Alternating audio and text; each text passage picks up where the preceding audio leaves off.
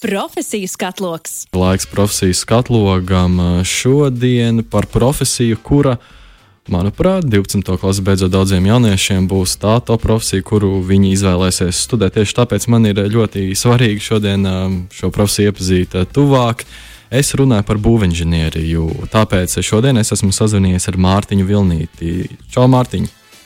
Jā, labdien! Tu esi būvinženieris, un es domāju, mums visiem, gan radioklausītājiem, gan podkāstu klausītājiem, ir lielos vilcienos skaidrs, ko dara būvinženieris. Bet tomēr varbūt ir kāds, kas nesa, nezinu, pirmo reizi uzzināja par šo profesiju. Tad ko tu atbildētu šim cilvēkam, ko tu dari ikdienā?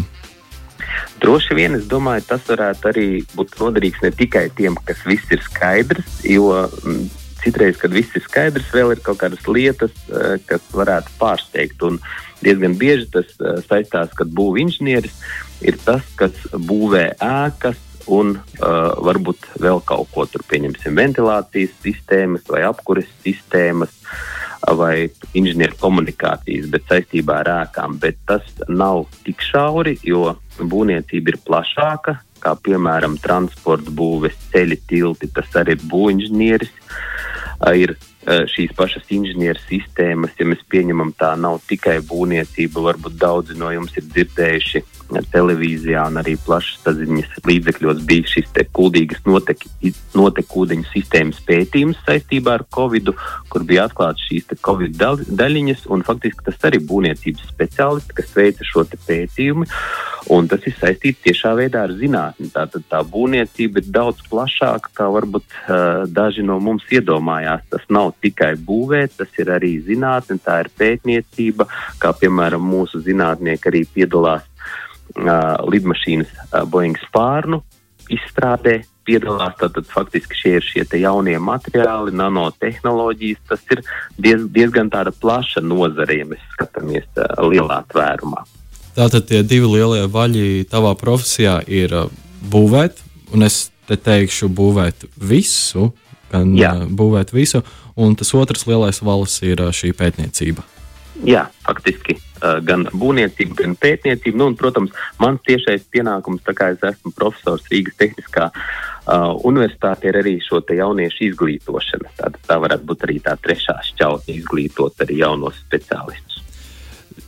Tagad neliels jautājums, kas man ir godīgi interesējis ļoti ilgu laiku, un es nekad neesmu spējis rast atbildus tiem. Divi tādi jautājumi. Pirmais ir par māju būvniecību. Es nekad neesmu sapratis, kā notiek šis process.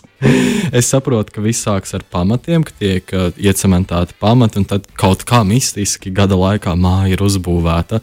Ja tu varētu minūtē, ātros vilcienos izstāstīt, kā notiek šī mājas būvniecība. Jo tas man vienmēr ir fascinējis, ka var uzbūvēt māju vai pilnīgi jebko citu.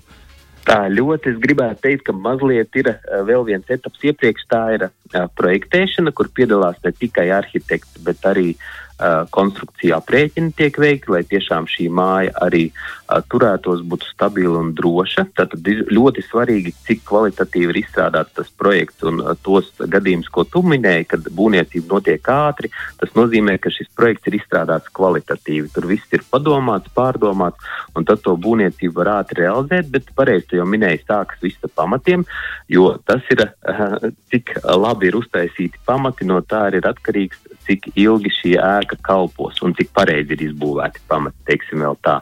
Pēc tam, protams, ir šīs, te, ja es varētu globāli sadalīt, ir nesošās konstrukcijas, vienalga vai tās ir sienas, vai tās ir kolonas, pārsagumi, jā, tā tad faktiski šis te galvenais ēkas karkas top, tad, protams, svarīgi ir jumts, jo no jumta arī ir svarīga tiešā veidā šī ilgmūžība. Ja mēs atceramies padomu mājas, kur aug neliela bērziņa uz jumtiem, ja, tas jau ir tā kā pa traku aizlaists, ja, par ēku ir arī jārūpējas visā tās eksploatācijas laikā, un tad jau sākās atkal pēc jumta sāka sēkas norobežošana no ārpuses, logi, durvis, fasādes apdare, un tad ir visi iekšdarbi, kurus minūtēs, diemžēl, nevarēšu uzskaitīt, bet tas ir arī nu, apmēram 50% no šī ēkas būvniecības darba aizņem tas, ko varbūt mēs iekšā neredzam, bet kas tiešām notiek. Tu sākumā pieminējies par šo pirms būvniecības periodu, par projektēšanu, vai tur arī būvinženieris iesaistās, vai tas ir tikai uz arhitekta pleciem? Protams, tas ir arī mūsu RTU būvniecības inženierzinātņu fakultātes absolvents, kurš ir specializējies tieši konstrukciju aprēķinos. Tātad, un, un tādi nav daudz, tas tiešām ir gudrākie, labākie, spējīgākie studenti. Un mans otrais interesantais jautājums, kur es ceru sagaidīt atbildi, ir par priekšmetu iegādi, tā varētu teikt. Jo man ir vienmēr radies jautājums, ka, nu, lai uztaisītu māju vai lai uztaisītu pilnīgi jebko, nepietiek ar tiem materiāliem, ko var nopirkt būvniecības veikalos, ka tur vienmēr ir nepieciešams kāds ļoti mm, interesants aprīkojums. Tad es domājis, bet, bet kā, piemēram, parastais mirstīgais cilvēks pie tāda var tikt, vai vispār var tikt. Piemēram, pie man tagad uz sitienu ienāca prātā hidrauliskā prese, vai parastais mirstīgais cilvēks pie tādas vispār var nokļūt.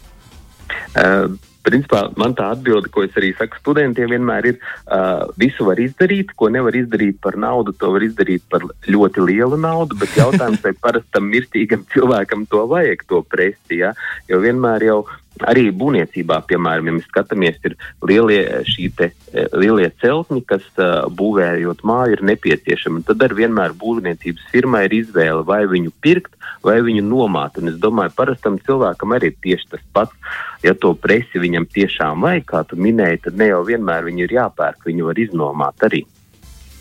Un tagad vairāk par izglītību.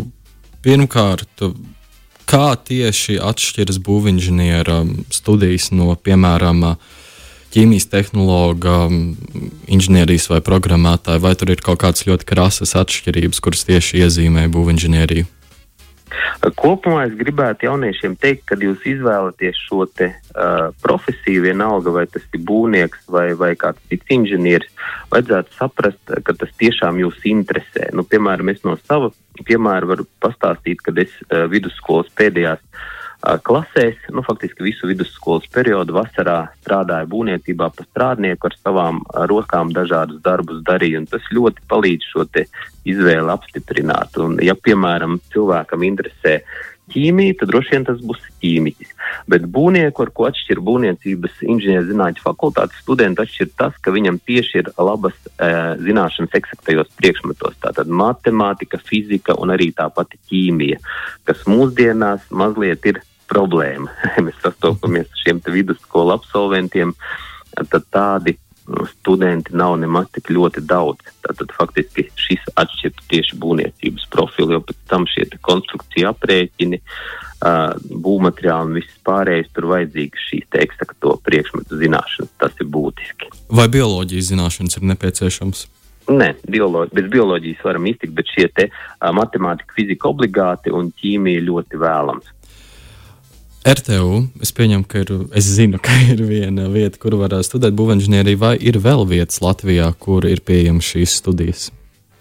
Jā, augstākā izglītībā mums ir četras izglītības iestādes, kur nu, vairāk vai mazāk varētu apgūt šīs būvniecības profesijas. Un RTU ir visplašāk, jo to, ko es minēju, inženieru sistēmas, transporta būves, ceļi, tilti, geomātika, tas, cik man zināms, tas ir tikai RTU, bet, protams, vēl var apgūt būvniecības profesiju gan Latvijas lauksaimniecības universitātē, gan arī būt ar vadītāju, kas arī ir saistīts tieši ar šo būvniecību, var iegūt Rīgas celtniecības koledžā un Reizeknas tehnoloģija akadēmijā.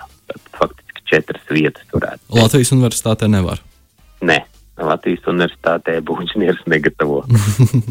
Vai ir kaut kāda tieši viena specifiska lieta, kas ir visforšākā būvniecības profesijā? Varbūt tās ir vairākas, un tu droši vari tās uzskaitīt.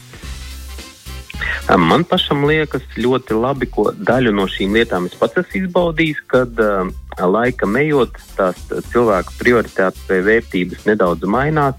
Līdz ar to būvniecības profesijā ir tā, ja tev ir būvniecības diploms, tad tās iespējas strādāt ir, uh, tu vari dažādas izmēģināt. Nu, dažas jau es varbūt minēju, tad pieņemsim darbs būvlaukumā, tu vadi šo būvniecības procesu.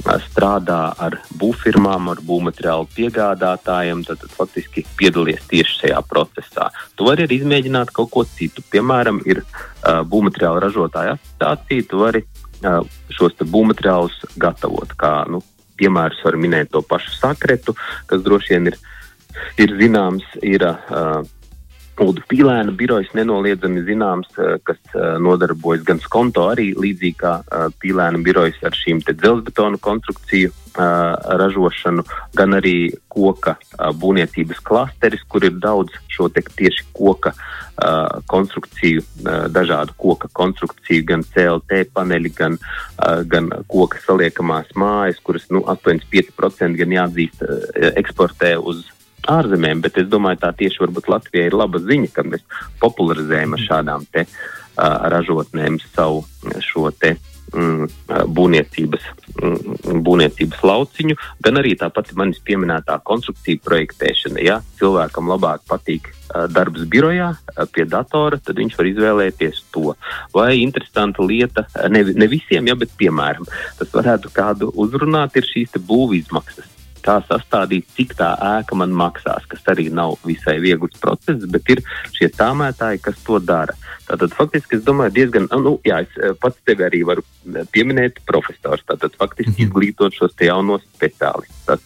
Es teiktu, tās manevru iespējas ir diezgan lielas un katrs var atrast savu šo te pielietojumu, šo nišu, ko darīt.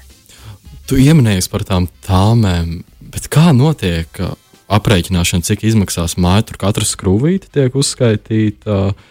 Un līdz pašam pēdējam sīkumam, vai tur tomēr um, lielos vilcienos tā tām tiek uzmests, cik tas varētu būt. Projekti ir atšķirīgi, jā, pamatā jau ir šies, šis lielos vilcienos, lai saprastu, cik tas izmaksā, jo ir jau uh, uzkrātas datu bāzes būvfirmās, kur uh, no pieredzes, piemēram, ja būvē kaut kādu, vai tā ir daudz dzīvokļu māja vai tirsniecības centrs, Uh, vai, vai teiksim, kaut kāda izglītības iestāde, tur jau ir šī pieredze, cik maksā tā nosacīta kvadrātmetrs vai, vai kubikmetrs vai, vai kāds cits, vai kāda cita šī mērvienība tā aptuveni var šādā veidā piemest, bet, protams, ja gribās uh, precīzāk, tad ir jāskait līdz skrūvītei. Tā ir, un šīs aprēķina programmas to arī ļauj darīt. Par foršo izrunājām, vai ir kaut kas izaicinošs? Izaicinājumi būvniecībā ir vienmēr, kā es varu uh, minēt, jo es, piemēram, arī strādāju uh, gadus uh, 20 atpakaļ būvniecībā, tieši vadīju viena. Tas bija vienkāršs objekts, bija privāta mājas būvniecība, bet toreiz gāzbetona bloki vēl Latvijā netika ražoti. Viņi tika vesti no Vācijas. Un ziemas laikā uh, šī mašīna, kas veda man uh, divas kravas, uh, lielas kravas, ar šiem gāzes blokiem Lietuvā no tilta nogāzās. Un tas bija izaicinājums, ko darīt, jo klientam tai būvniecībai jānotiek, bet būvēt no kā nav. Tātad es domāju, izaicinājums būvniecībā meklēt nevajag, viņi paši atnāk. Un noslēgumā tu pieminējies jau par to, ka ir jāsaprot um, par to, vai patīk, bet vai ir vēl kāda cita veida, kā jaunietis var saprast, ka jā, es varētu, es, es varētu un gribētu kļūt par būvinženieri? Nu, viens ir tas patīk, bet pat ja to nezinu, es domāju, ir vienmēr vērts pamēģināt, jo šīs zināšanas, kas būs iegūtas tieši būvniecības inženierzinātņu fakultātē, viņas jebkurā gadījumā attīstīs domāšanu, attīstīs smadzenes un faktiski dos iespēju arī turpmākajā dzīvē. Pat ja nepaliks cilvēks strādāt pa būvniecību, lai gan es teicu, tās iespējas ļoti plašas būvniecības nozarē, ja, tad arī jebkurā citā nozarē, pieņemsim, pēc tam aiziet strādāt uh, IT nozarē, kur arī, pieņemsim, šī jaunā mūsu būvniecības informācijas sistēma ir tiešā veidā saistīta ar IT nozari vai, vai transports, ko es pieminēju, ja loģistika. Uh, nu, viss jau ir diezgan saistīts ar šo būvniecības procesu. Es domāju, ka noteikti vajadzētu pamēģināt, un tad cilvēks saprot, ir vai nav tas viņa. Par uh, ZPD. Kā tev liekas par zinātniskiem pētnieciskiem darbiem? Tie ar katru gadu kļūst vēl obligātāki un obligātāki.